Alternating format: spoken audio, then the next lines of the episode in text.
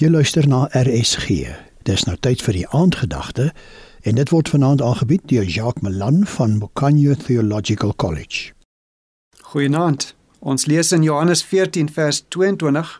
Judas, nie die Iskariot nie, sê vir hom: "Here, hoe is dit dat U U aan ons sal openbaar en nie aan die wêreld nie?" Jesus se antwoord maak dit duidelik dat hy nie van sy fisiese liggaam praat nie, maar die Gees. Ons lees vers 23. Jesus antwoord en sê vir hom: As iemand my liefhet, sal hy my woord bewaar en my Vader sal hom lief hê en ons sal na hom toe kom. Dit is nou die Vader en die Seun sal na hom toe kom en by hom woning maak.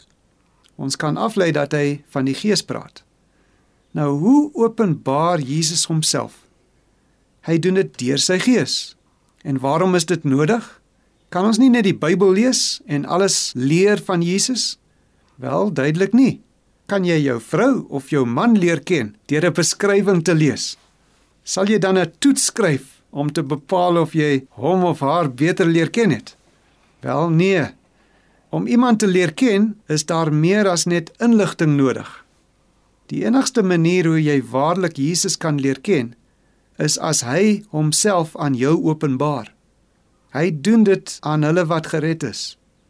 As jy jou bekeer van jou sondes, as jy vertrou op Jesus alleen vir redding, dan sal dit jou ervaring wees.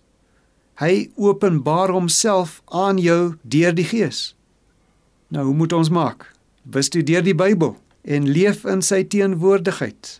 Hy sal meer en meer homself aan jou bekend maak.